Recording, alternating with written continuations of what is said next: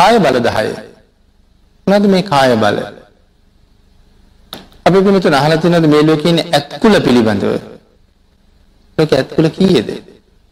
ලෝක ඇත්කුල ඇත්කුල දහයයි. සඳහන් කරන මේ විදිහට. කාලව කංච ගංගෙයන් පණ්ඩරං තම්බ පිංගලන් ගන්ධ මංගල හේමංචය උපෝසත ශද්ධන්තිමේ දස. මෙතම ඇත්තුළ දහය. පළවෙනි ඇත්තුළේ කාලවක. ඇත්තුන්ගේ කුලවලින් හීනම කුලය කාලවක ඇත්තු. කාලවක ඇතිකට කොච්චර ශක්තිය තියෙනවාද. සඳහන් කරන යෝධ පුරුෂෝ දහ දෙනෙකුේ තාම ශක්තිමත් පුරුෂයෝ දහ දෙනෙකුගේ ශක්තිය තියෙනවා එක කාලවක ඇතිකුට.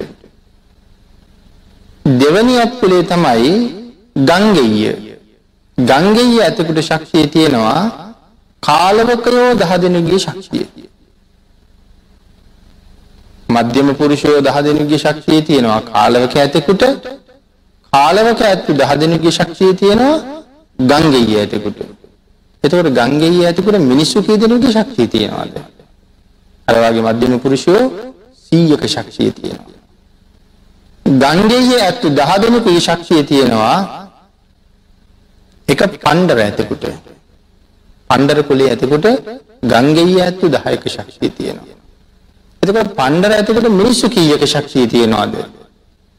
මිනිසු දාහක ශක්ෂී තියෙන. ඊළඟට සඳහන් කරනවා තම්බ තම්බයකුට තියෙනවා පණ්ඩරයෝ දහයක ශක්තිය. තම්බයකුට පණ්ඩරයෝ දහයක ශක්තිය තියෙන. එතකොට තම්බයකුට මිනිස්සු කීයක ශක්තිය තියෙනවාද මිනිස්සු දහදාහක ශක්තිය තියෙනවා. එතකොට තම්බෝ දහයක ශක්තිය තියෙන පිංගලයකුට ට පිංගලයකුට මිනිස්සු කියක ශක්තිය තියෙනවාද ලක්ෂය පිංගලයකුට මිනිස්සු ලක්ෂක ශක්තිය.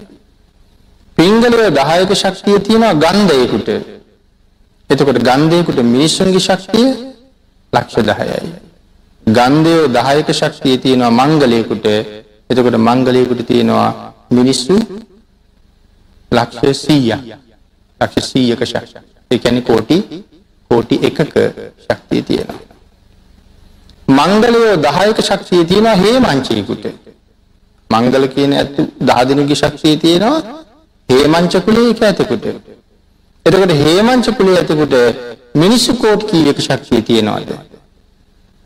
මිනිසු කෝටි දහයක ශක්තිය තියෙනවා.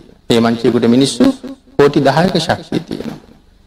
හේමංචෝ දහයක ශක්තිය තියෙන උපෝසතයකුට. එතකට උපෝසතයකුට තියෙන මිනිස් ශක්තිය කෝටි කෝටි සීයයි. මිනිස්සු කෝටි සීයක ශක්තිය තියෙන උපෝසත කුලේ ඇතකුට සක්විති රජවරුන්ට එහෙම පහළ වෙනවා උපෝසත කුලේ ඇත්තු. උපෝසත කුලේ ඇත්තු දහ දෙනෙකුගේ ශක්තිය තියෙනවා එක චද්දන්තයකුට. එතකොට චද්දන්තයකුට මධ්‍යම ප්‍රමාණය යෝධ පුරුෂෝ කී දෙනගේ ශක්ෂී තියෙනවාද. කෝටි කෝටි දාහක ශක්ෂී තියෙන චද්දන්තයකුට මිනිස්සු කෝටි දාහක ශක්ෂී තියෙනවා. මිනිස්සු කෝටි දාහක ශක්ෂී තියෙන මිනිස්සු හිටිය කියලා හල තියෙන. එහමතන් චද්දන්තයකුට වඩා ශක්තිමත් මිනිස්සු ලෝක ඉන්න ඇද. හිටිය එක්කෙන නන්දි මිත්‍රයෝදය මිනිසු කෝටි දාහකට වඩා ශක්තිමත් දුටිගම් රජ්ජුවන්ගේ මහයෝදය රජරු යුද්ධයට යන්න ඉස්සල යෝධයෝ පරීක්ෂා කළා. යෝධයන්ගේ ශක්තිය හෙව්වා. එක එක කටයුතු බාර දෙන්න යෝධයාගේ ප්‍රමාණය දැනගන්න එපේ.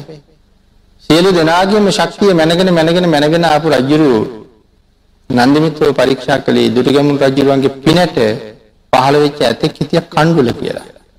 අපි අහලා තියෙනවා කණ්ඩුල ඇතා කියන්නේ කණ්ඩුල කියන චද්දන්ත කොලේ ඇත්තේ එතකොට කොච්චර ශක්තිමත්ද? මිනිස්සු කෝටි දාහක ශක්තිය. මේ මේ ඇතාට රා කලගිරි දාසයක් හෝලා මත් කරලා ලක්ෂ ගණන් මිනිස්සු බලාගෙන ඉන්න තැන නන්දි මිත්‍ර ඉස්සරහ පිට මේ ඇතා එවනවා. නන්දි මිත්‍රගේ ශක්තිය පරීක්ෂා කරන්නේ මෙයා මේ ඇතත් එක පොරබදන්න ඕන. මෙයා ඇතත් එක්ක පොරබදනවා කියන කාරණාව හිතන්ඩ තරංගත් අපේ මනස වැඩෙනවාද? අපේ මනස ලොකුයිද? මේ මිනිස්සු කෝටි දාහක ශක්තිය තියෙන ඇතෙත් එක්ක පොරබදන්න පුළුවන් මිනිහෙක් ගැන හිතන්ඩ අපේ මනස පුළුල් නෑ ඉච්චර. අපිට හිතන්නවත් බෑ ඒ කාරණාව. නමුත් සඳහන් කරනවා ඇතා හොඳ වැල උස්සගෙන කෑ ගහගෙන නන්දි මිත්‍ර දිහා දිහාට දුවගෙන එනකොට පොරයක් නම් තිබුණේ නෑ කියලා. දුවගෙන එනකොට දල දෙකෙන් උස්සලා අරන් පැත්තකින් තිබ්බ කියලා සඳහන්. එතකොට නන්දි මිත්‍රගේ ශක්තියවත් අපිට තේරුම් ගන්න අපිට තේරුම් ගන්න බෑ. නන්දි මිත්‍රගේ ශක්තියක් තේරුම් ගන්න අපිට බැරි නම් අපි කොහොමද භාග්‍යතුන් වහන්සේගේ ශක්තිය තේරුම් ගන්නේ? අපි දැන් ඇත්තුල ගැන කතා කරුවේ 10න් 10ට ಗುಣ වෙවි වැඩි වෙවි. එහෙනම් උපෝසතයෝ 10 දෙනෙකුගේ ශක්තිය චද්දන්තයෙකුට තියෙනවා. චද්දන්තයෙකුගේ ශක්තිය මිනිස්සු කෝටි 1000යි. චද්දන්තයෝ 10 දෙනෙකුගේ ශක්තියයි බුදුරජාණන් වහන්සේගේ ශක්තිය. ආන් ඒ ශක්තියට තමයි කියන්නේ නාරායන සංඝාත බලය කියලා. මේ තමයි කාය බල 10යි. චද්දන්තයෝ 10 දෙනෙකුගේ ශක්තිය. නාරායන සංඝාත බලය. එතකොට එහෙනම් චද්දන්තයෝ දහ දෙනෙකුගේ ශක්තිය නම් භාග්‍යතුන් වහන්සේගේ පියවි කයේ ශක්තියක 이르දිමය ශක්තිය නෙමේ. පියවි කයේ ශක්තිය භාග්‍යතුන් වහන්සේට මිනිසු කී දෙනෙකුගේ ශක්තිය තියෙන්නේ. බුද්ධ කයේ ශක්තිය අර වගේ යෝධ පුරුෂයෝ කෝටි 10000ක ශක්තිය. හිතලා බලන්නකෝ. මහා විශාල පර්වතයක් නමුත් අවශ්‍ය නම් දෝතින් අරන් විසි කරන්න තරම් විසි කරන්න තරම් ශක්තියක්. ආන් ඒකයි මම සඳහන් කළේ මෙන්න මේවාගේ ගැඹුරෙන් මතුවෙලා එන දහම් කරුණු අපිට සැකවෙන්නේ නැද්ද කෙනෙක් කියන්න පුළුවන් බුදු දහම මට සැක නැහැ පිළිගන්නවා. නමුත් මේ සඳහන් කරන ශක්තිය මට පිළිගන්න මට පිළිගන්න බෑ. ඔක පස්සේ කාලේ කෙනෙක් මේ චරිතය වර්ණනා කරන්න ලීවද අපිට සැක උපදිනවා. හරියටම කරුණ නොදැන සැක ඉපදුනොත් බුදුන් සරණ යාම එතනම එතනම නවතිනවා. එහෙමනම් මූලාශ්‍ර වශයෙන් හොයන්න ඕනේ. මේ ශක්තිය කොහොමද උන්වහන්සේට ලැබෙන්න ඇත්තේ? අපි හොයමු නන්දි මිත්‍රට ශක්තිය කොහොම ලැබුණද කියලා. නන්දි මිත්‍ර බොහෝම ඈත අතීතයේ තරුණයෙක් හැටියට දැන් පාරේ යනකොට මිනිස්සු වගේ දන් දෙනවා. පින්න පාත දාන්නේ. මෙයා අඳුරන්නේ නැහැ මේ ස්වාමින් වහන්සේලාද මේ කවුද? මෙයා මොකවත් දන්නේ නැහැ. කහ වස්ත්‍ර පොරවගත්ත විසරැවුල් බාගත්ත පිරිසක් මේ මුට්ටි මුට්ටි වගේ පත්‍ර අතේ තියාගෙන වේගයට මේ කොහෙද යන්නේ මේ හිඟමනේ යනවා පිටු සිඟායෑමනේ ඒ හිඟමනේ යන යාචකයන්ට පිරිසක් ඇවිල්ලා දන් දෙනවා හැබැයි මෙයා බලනවා යාචකයන්ට දෙන හැටි මේ යාචකයන්ට දෙන හැටි හරි වෙනස් මේ මිනිස්සු හොඳ පිළිවෙලට ඇඳලා පිරිසිදුවට ඇවිල්ලා ඉතාම ප්‍රනීත සුවඳ හමන ආහාර අරගෙන ඇවිල්ලා මේ යාචකයා ගාව දන ගහලා බොහෝම ගෞරවයෙන් හැඳිවලට මේවා අරගෙන අර පාත්‍රය ඇතුලේ තියෙනවා. පුදුම ගෞරවයක් යාචකයට දක්වනවා. මෙයා පුදුමෙන් වගේ බලාගෙන හිටියා මේ සිද්ධිය දිහා. උන්වහන්සේලා ටික ගියාට පස්සේ මිනිස්සුන්ගෙන් යව කවුද? ඒ ඒගොල්ලන්ට ඕගොල්ලෝ කණ්ඩ දුන්නේ. ඒගොල්ලන්ට කුඹුරු වැඩ කරන්න බෑද? ඒගොල්ලන්ට රස්සාවල් කරන්න බැරිද? ඒගොල්ලන්ට සල්ලි හොයාගන්න බැරිද?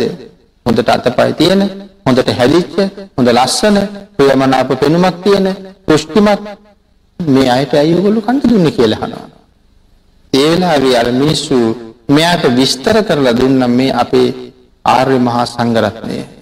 ආර්ය මහා සංඝයා කියන්නේ කවුද කියන කාරණාව පැහැදිලි කළා. ඒ කාරණාව ඇහිම තුළින් උපන්නා වූ බලවත් ප්‍රීතිය. ඒ ප්‍රීතිය නිසා හිතන මම මමත් දන් දෙන්න ඕන කියලා. ඇතිවෙච්ච පැහැදීම. අතේ තිබුණේ නෑ දෙන්න දෙයක්. පොඩි මුදලක් අතේ තිබුණා කියලා සඳහන් කරනවා. ඒ මුදල අරගෙන ඉස්සරහට යනකොට මට ඉස්සරලම හම්බෙන්නේ මස් කඩේ. මුදලාලිගේ මේසුඩින් ගෙනහිල්ලා තිබ්බ අර මුදල. කියලා කිව්වා මුදලාලි මේ මුදලට ගැළපෙන්න මට මස් දෙන්න. මන් දන්නේ මස් කිලෝ එකක් කීයද මං ඒ ගණන් දන්නේ නැහැ. මේ සල්ලි ටික ඔබ ගණන් කරලා මේකට දෙන්න පුළුවන් ප්‍රමාණයට මට මස් දෙන්න. සඳහන් කරනවා මුව මස් තිබුණේ කියලා. මුදලාලි අර මුදලට සෑහෙන්න මෙයාට මස් දුන්නා. මෙයා ඒ මස් අරගෙන ගියා.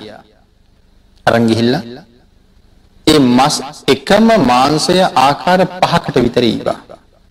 ධර්මයේ සඳහන් කරනවා අඟුරු මස්ය, කටු මස්ය ආදි වශයෙන් බෙදලත් වෙනවා, කිරි දාලත් වෙනවා, තෙල් දාලත් වෙනවා, මිරිසටත් වෙනවා, මලවලත් වෙනවා.